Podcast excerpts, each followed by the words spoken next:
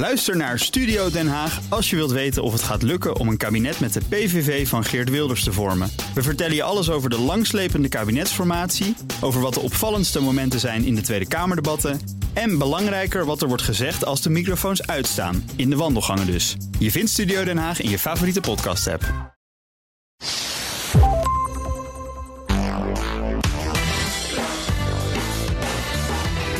Welkom bij de Ben Tichelaar podcast bij BNR, de podcast over persoonlijk leiderschap. Elke week hebben we nieuwe tips en inzichten van zeer inspirerende gasten die je helpen om je verder te ontwikkelen in je werk en de rest van je leven. Mijn naam is Ben Tichelaar en mijn gast in deze aflevering is Theo Kompernolle. Theo, welkom. Fijn dat je mijn gast wilt zijn. Hallo, blij van erbij te zijn. Ja, nou, eh, het is al echt jaren en jaren geleden dat ik voor de eerste keer bij jou in de klas zat. Ik heb toen heel veel geleerd, heel veel aantekeningen gemaakt. Dus een grote eer voor mij dat ik je mag, uh, mag interviewen in deze podcast. Ja, dankjewel. Ja, een paar highlights uit je curriculum vitae. Uh, arts, psychiater, uh, specialist op het gebied van stress, brein en veerkracht. En je hebt bijna een alle Europese business schools wel gedoseerd. INSEAD, IMD, de Vlerik. Nou, en daarnaast ook nog auteur. Schrijver van onder meer Stress, Vriend en Vijand. Dat is een boek dat al heel erg lang heel goed verkoopt volgens mij. Ja, dat klopt, dat klopt. Longsellers. Ik kende het woord niet eens, maar dat zijn longsellers geworden. Oké, ja. En een meer recent boek nog weer, Ontketen je brein, stond ook bij mij in de kast. Uh, nou ja, we gaan maar eens, gewoon met elkaar in gesprek. Ik denk dat we ontzettend veel van je kunnen leren en daar doen we het voor in deze podcast. Oké. Een vraag waar ik graag mee begin. Uh, wat is nou een inzicht dat jou zelf echt veranderd heeft? Je bent docent, je draagt vaak dingen over aan andere mensen. Maar wat is nou een inzicht wat, je, wat, wat van buiten tot jou gekomen is, waarvan je zegt dat heeft mij in mijn loopbaan of, of in mijn werk in het algemeen of in mijn functioneren in het algemeen, ja, daar heeft het echt impact op gehad?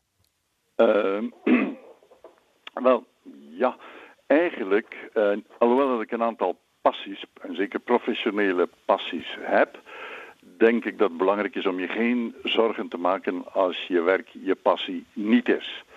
Ik zou zeggen dat realiseer je levensdroom, je moet je passie volgen enzovoort.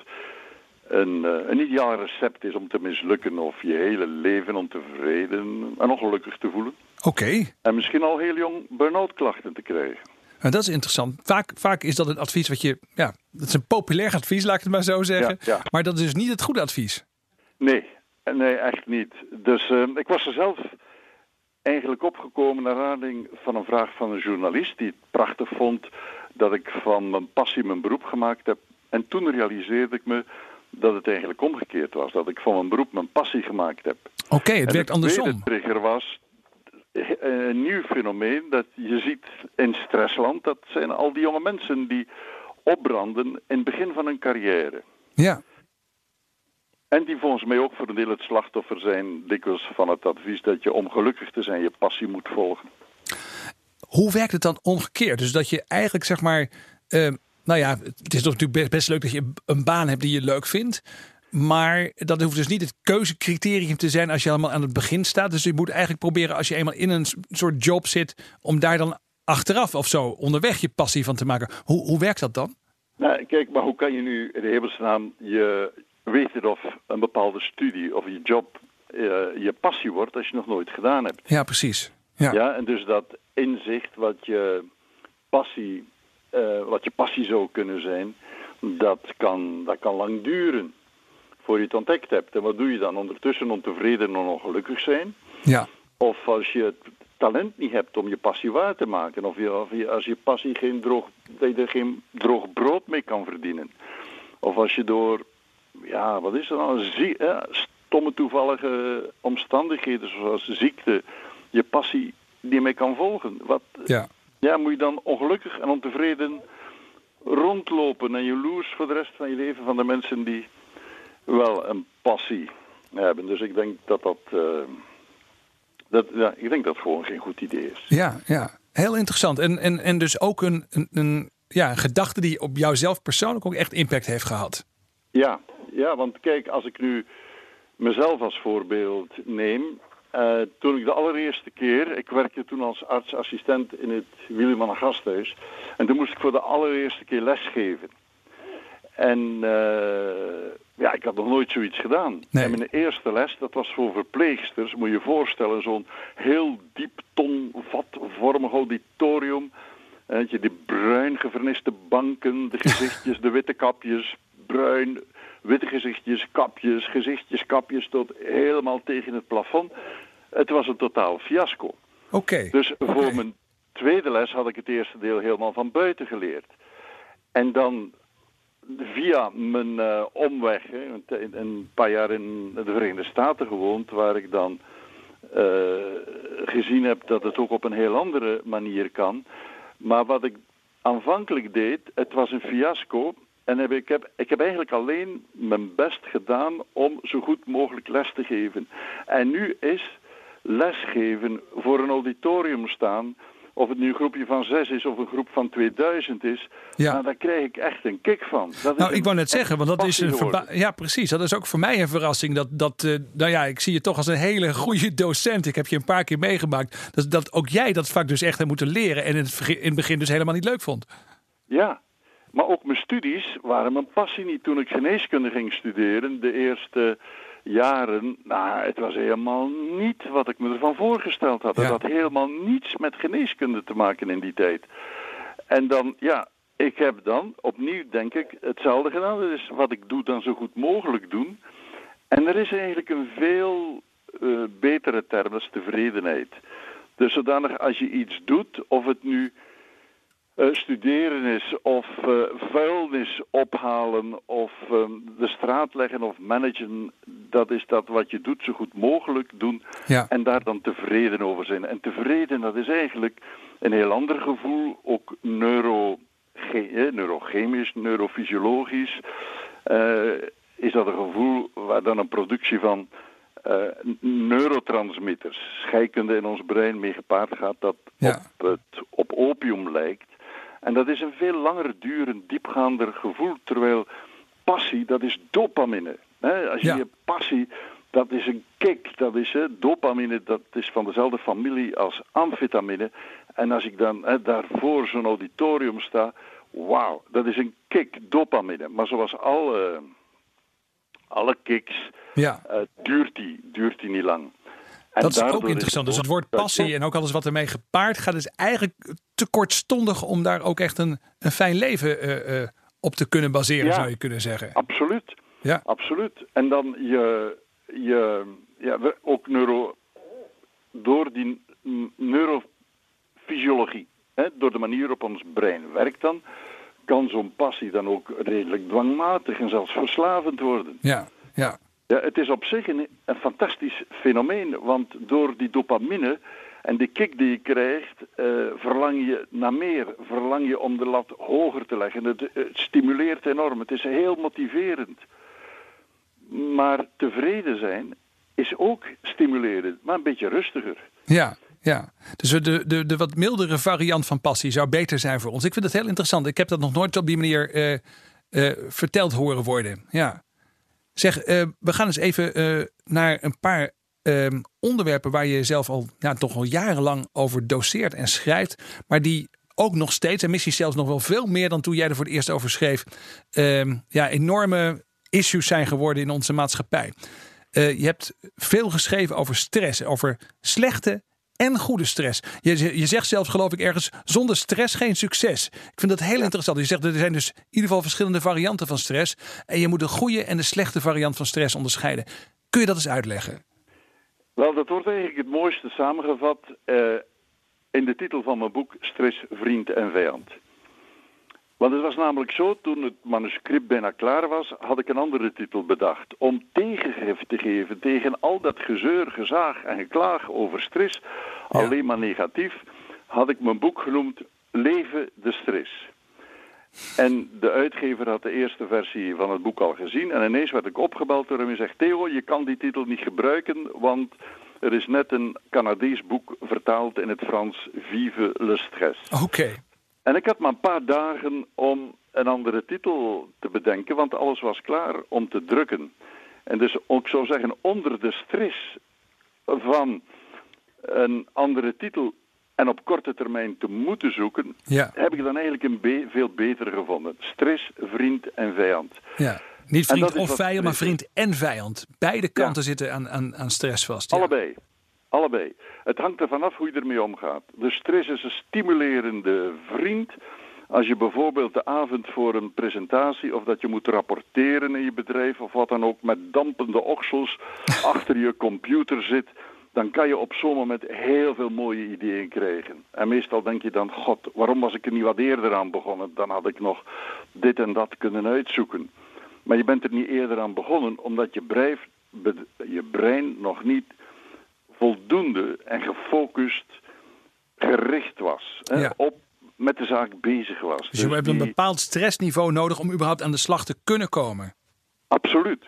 Want als je even nadenkt over je leven, ja. Uh, er is niets belangrijks dat je gepresteerd hebt zonder stress. Ik heb die vraag al honderden keren gezegd, gesteld aan mensen.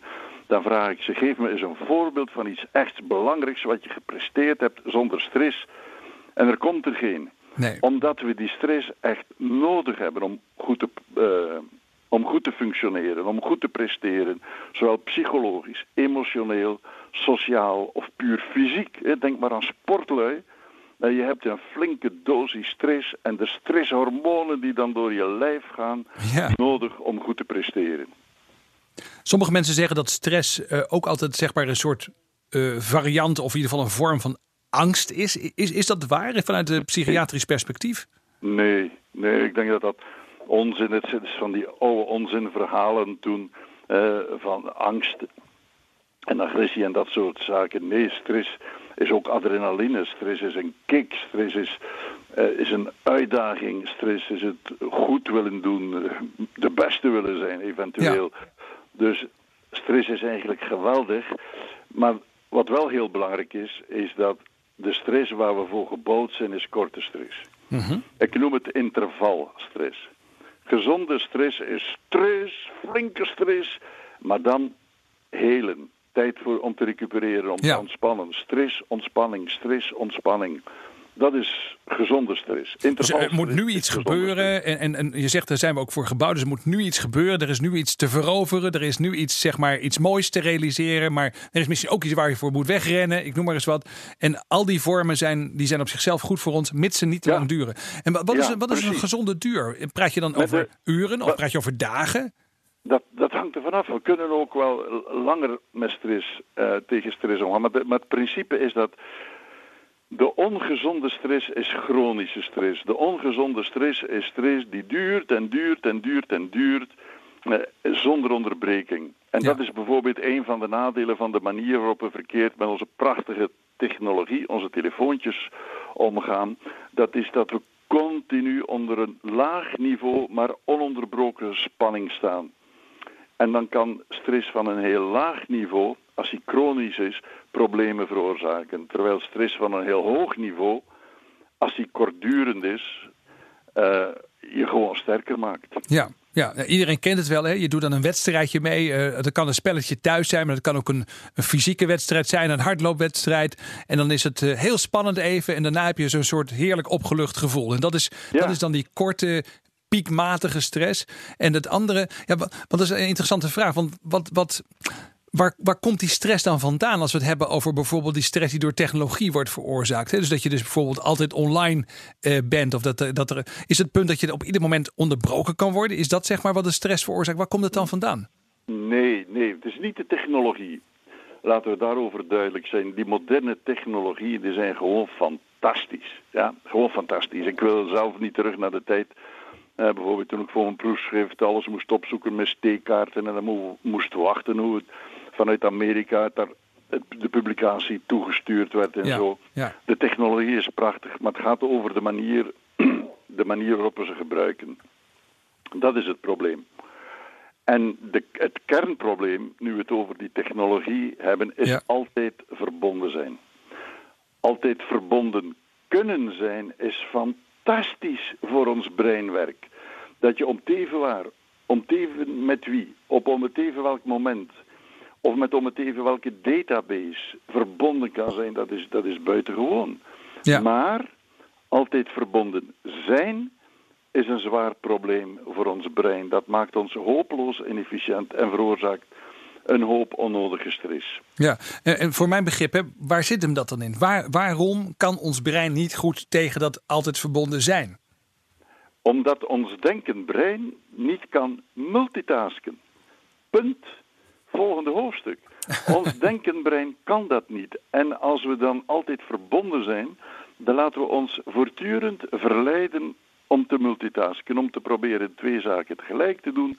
Of dan gaan we voortdurend heen en weer van het ene onafgewerkte taakje of min of meer afgewerkte taakje naar het andere. Ja. En dat wisselen tussen taken, dat kost ongelooflijk veel energie. Dus je zit in een vergadering, uh, je wilt eigenlijk goed opletten wat er wordt gezegd, maar ondertussen voel je zeg maar de telefoon in je broekzak uh, en, en merk je dat er een berichtje binnenkomt. Dan ben je ook nieuwsgierig wat dat zou kunnen zijn. Ja, en zelfs als je er niet naar kijkt, ja. dan toch ben je even afgeleid, dan toch moet je brein omschakelen. En in zo'n korte uitzending kan ik dat niet helemaal precies uitleggen, maar neem van me aan dat dat schakelen, dat ons denkend brein moet doen, ja. onvoorstelbaar veel tijd kost, energie kost, dat we daardoor meer fouten maken, minder creatief zijn en meer stress ervaren. Ja, ja, ja, ja. Heel interessant. Dus daar, daar zit het hem eigenlijk in. Um, nou, de, de vraag is eventjes, als ik nou zeg maar in een werkomgeving actief ben en ik wil eigenlijk vooral positieve stress en weinig negatieve stress. Wat zijn dan concrete dingen die je zou moeten doen of juist, die, je, die je juist zou moeten laten? Ja, dus ik heb, oh ja, ik heb dat samengevat in een balans. Ja, en ik hou van de metafoor van de balans, waar aan de ene kant de eisen in liggen, die van ons gevergd worden. Aan de andere kant de middelen die we hebben, wat we in ons rugzakje hebben om dat waar te maken.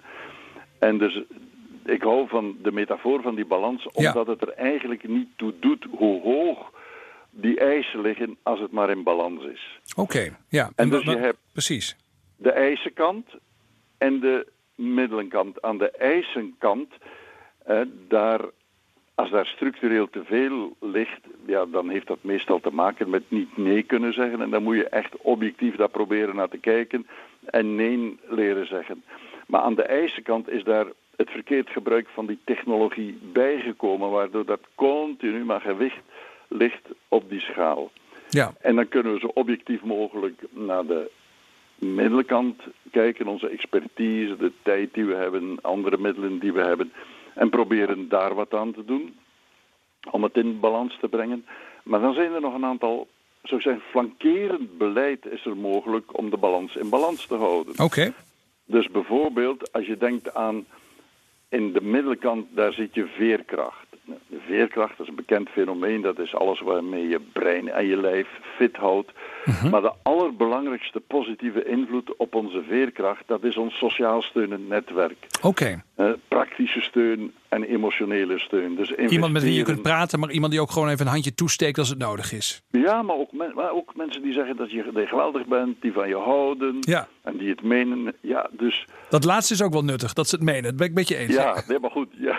Maar ik bedoel emotionele steun. Ja, het ja. om tegen te leunen, om tegenuit te huilen enzovoort.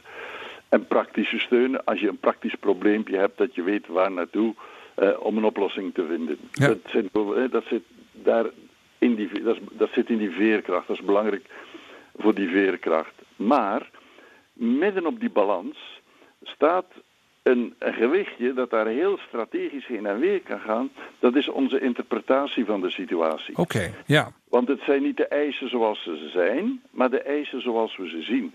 Het zijn niet de middelen die ik heb, maar de middelen die ik denk te hebben. Dat, dat verklaart dat sommige mensen onder bepaalde druk en met dezelfde middelen echt enorm in de stress schieten en andere mensen veel minder.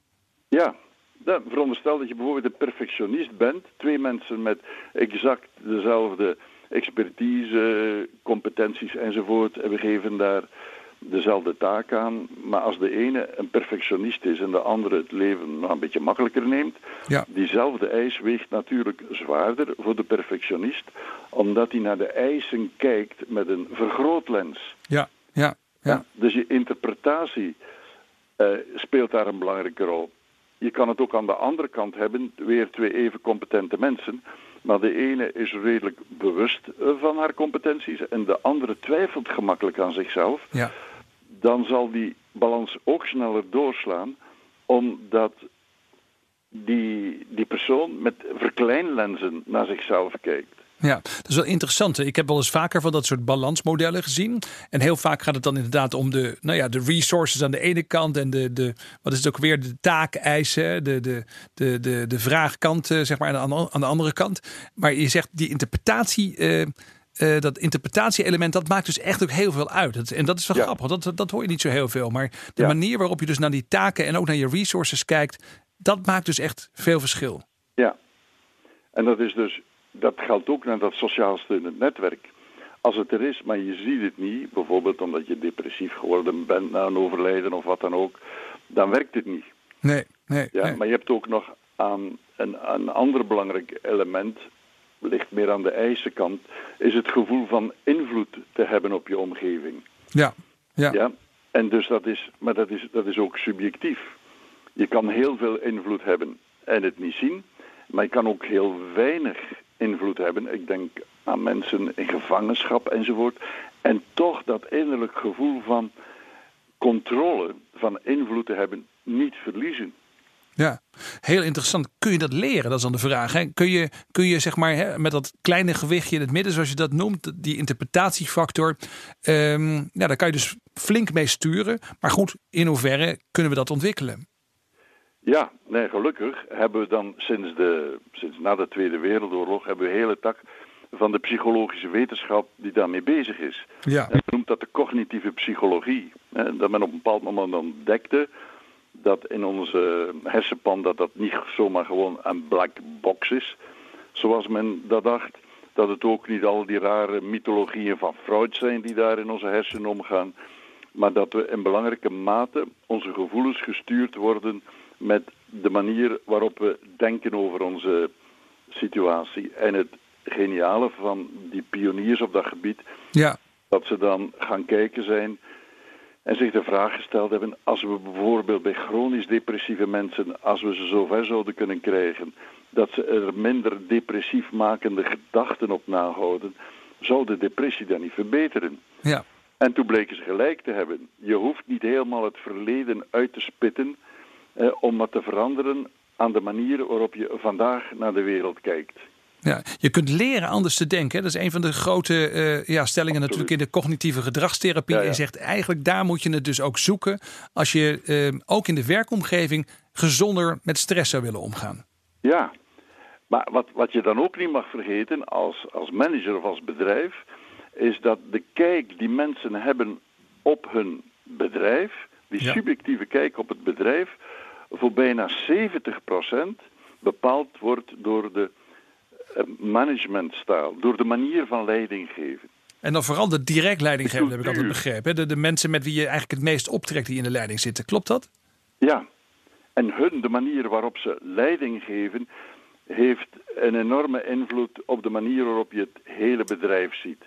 Ja. Je zou een beetje kort door de bocht kunnen zeggen dat mensen zich identificeren met hun bedrijf in belangrijke mate eh, via dat leidinggevend gedrag, via hun leidinggevende.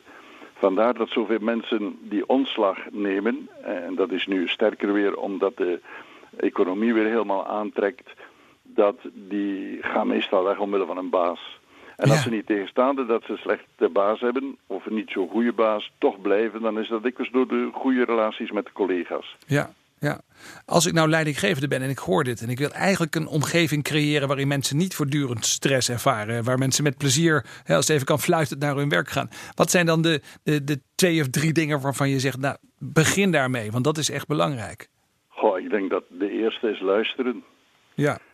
Ja, dat is eigenlijk het, uh, het geheime, het grote geheime recept van management. Dat is echt luisteren naar de mensen, leren, leren luisteren. Dat is, dat is nummer één. Ze vertellen je het wel. Tweede zou ik zeggen is dat de gouden regel niet werkt. En de, de gouden regel dat je aan andere mensen niet moet doen wat je zelf niet wil aangedaan worden. Oké. Dat is maar een bronzen regeltje. Maximum een zilverlepeltje. Regeltje. Eigenlijk wat je als manager moet doen is de ik zou hem daarom de platina-regel noemen. Dat is doe aan anderen wat zij willen aangedaan worden. Ja, ja. Dus echt dus goed ik- uitzoeken wat mensen echt van jou nodig hebben Ja. als leidinggevende. Ja. En, en ik, eh, zo, ik, eh, als ik leidinggevende coach, dan eh, is iets dat ik ze dikwijls adviseer, is vraag aan de mensen van je team drie vragen. Eerste vraag, wat is de slechtste manager die je ooit gehad hebt en welk gedrag maakte hem voor jou de slechtste? Ja. Wat is de beste en wat in zijn gedrag maakte hem voor jou de beste? Derde vraag, veronderstel nu dat ik de allerbeste manager wil worden die je ooit gehad hebt. Eh, hoe moet ik dat aanpakken? Wat Ja. kan ik voor je doen? En dus je laat de mensen zelf hun eigen gebruiksaanwijzing vertellen. Betekent wel dat je als manager echt van je voetstuk af moet. Nou, ja, absoluut. Ja, ja, ja.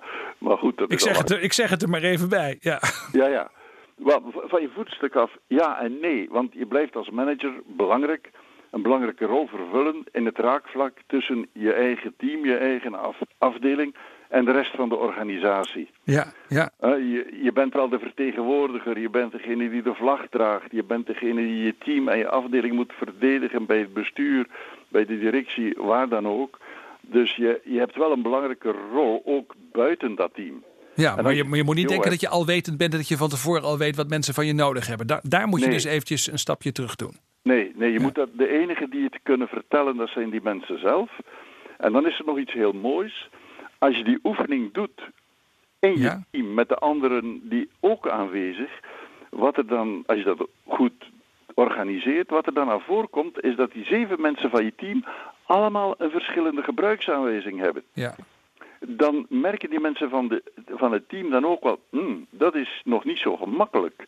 Eh, want de ene wil direct opgevolgd worden, de ander wil gewoon gerustgelaten worden.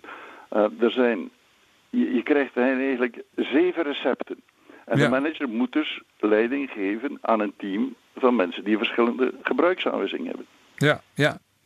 Heel interessant. Dus je zegt eh, allereerst dat, dat, goed, dat beter leren luisteren. Dat is dus belangrijk. Dat is voor sommige mensen echt een hele grote uitdaging. En dan echt ook onderzoeken wat hebben mensen van je nodig. En je zegt Ja. daarbij, doe dat dan ook in het team. Zodat mensen eh, ook zien dat, er, dat het best complex is. Maar ook misschien van elkaar een beetje beter weten. Ja. Van hoe, hoe Ja, moet ik nou met die collega omgaan? Ja, Ja. ja. Maar dan, kijk, want er zijn managers die dat ook, eh, om welke reden ook, die dat niet goed durven. En dan doen ze van die belachelijke persoonlijkheidstest. Ja, Ja, Dus nee, daar, daar hebben we hier ook wel eens een keer onze mening over geuit. eh, ja, maar, maar ik hoor het graag nog even, Theo. Le- vertel nog eens ja. even heel kort waarom we daar niet aan moeten beginnen. Maar Omdat, omdat het gewoon kwakzalverij is. Dat is nergens wetenschappelijk, nergens op gebaseerd. Eh, ze zijn slecht gevalideerd. Mensen veranderen. Als je mensen die test afneemt en je doet het zes maanden later, dan krijgen ze heel andere resultaten en Ja. zo. Dus er zijn, eh, dat, dat, is een, ja, dat is eigenlijk een mythe die, die, die, die, ja, die echt nergens op gebaseerd is. En dan krijg je van die uitspraken. Ik ben, uitspraken, ik ben typisch ISTJ of ik ben blauw en jij bent een typisch rood. Maar dat is pure verlakkerij. Ja, terwijl je zo eenvoudig aan mensen gewoon kunt vragen wat ze nodig van je hebben. In plaats Ja. van allerlei ingewikkelde interpretatieslagen te maken op basis Ja. van dat soort testen. Ik snap helemaal wat je bedoelt. Ja, Ja, En, het is ook, en dan ook veel praktischer. Kijk, als dan in zo'n gesprek iemand zegt: Ja, ik wil, ik, ik wil meer van nabij gesteund worden. Oké, en dan kan je als manager vragen: Ja, maar en hoe is dat precies voor jou? Ja. Hoe stel jij je dat voor? Hoe ziet dat eruit in het echt? Ja, precies. Zodat het naar Ja. gedrag kan worden vertaald. Ja, ik- Precies, ja. dan kom je op het niveau van gedrag. Welk gedrag verwacht je van mij, je baasje? Ja, ja. Ja. Je, ba- je baasje. Ja, ja, ja. Oh, mooi. Zeg, Theo, we zijn al aan, aan het einde van de eh, uitzending weer gekomen. Ik heb Oh. nog eh, twee hele korte, uit, eh, twee korte vragen aan je. De eerste hele korte vraag is: eh, zou je een getal willen noemen van 1 tot en met 15? Want ik heb nog een soort verrassingsvraag voor je. Dat was misschien wat meer persoonlijk, maar ik weet nog niet welke vraag het wordt, want die zitten in 15 genummerde enveloppen. Welk nummer zou je kiezen? nou, elf dan maar, ja. 11. Eens even kijken hoor. Ja. Waar heb je, waar heb je de afgelopen tijd hardop om moeten lachen? Waar heb je hardop om moeten lachen in de Ah, afgelopen met mijn kleinkinderen. De kleinkinderen. Oh, dat is wel heel mooi. Ja. ja. Ja, ja, ja, ja. Want, Ja, want, waar, wat, wat, wat, maakt, wat van de kleinkinderen maak je aan het lachen?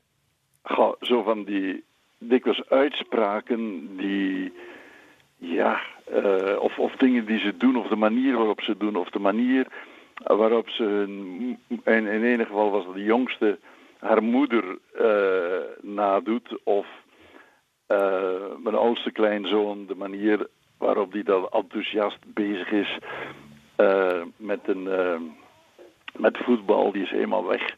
Ja. Weg van het voetbal, weet, al, weet daar alles over. En we hadden een hele goede, dierbare vriend op, op bezoek. En die wist, uh, Nederlander weet ook heel veel van voetbal. En Ajax, die heeft ook nog uh, een blauwe maandag bij Ajax gespeeld. Nou, dat is helemaal interessant. Dat ik daar ja. bezig zag. Ja.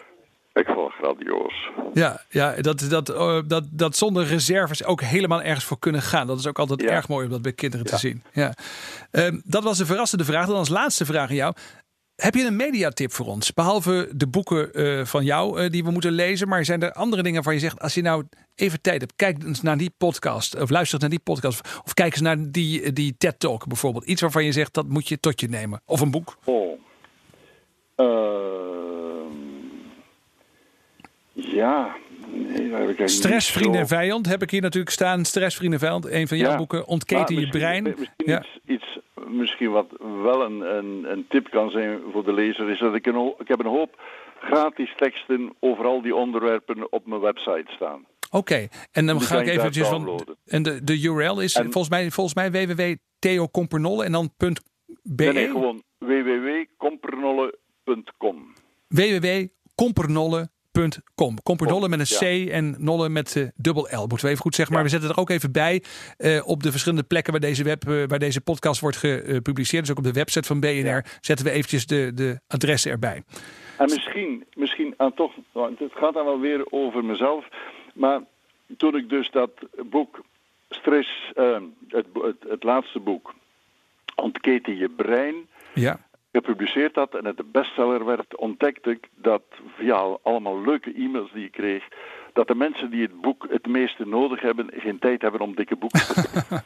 en toen heb ik mezelf gedwongen, en dat is echt pijnlijk soms, mezelf gedwongen om het hele boek samen te vatten op 50 bladzijden van 250 woorden per pagina, één onderwerp per pagina en aan de andere kant een, een leuke tekening.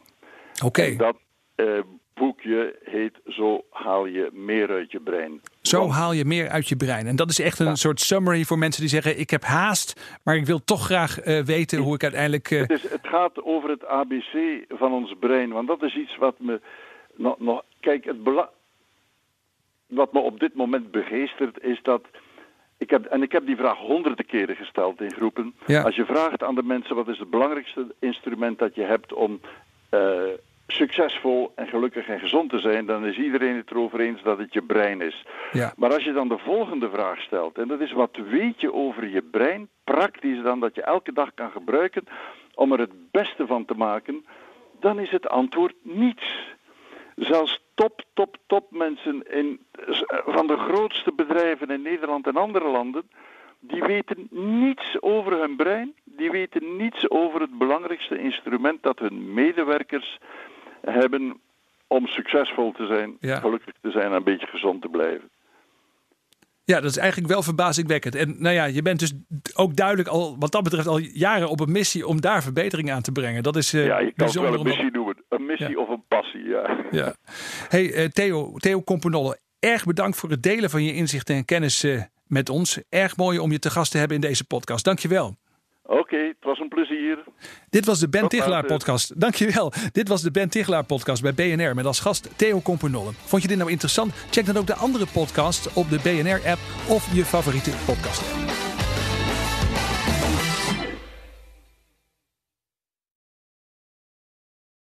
Ook Thomas van Zeil vind je in de BNR-app. Je kunt live naar mij luisteren in Zaken doen. De BNR-app met breaking news, het laatste zakelijke nieuws... en je vindt er alle BNR-podcasts, bijvoorbeeld Het Nieuwe Geld. Download nu de gratis BNR-app en blijf scherp.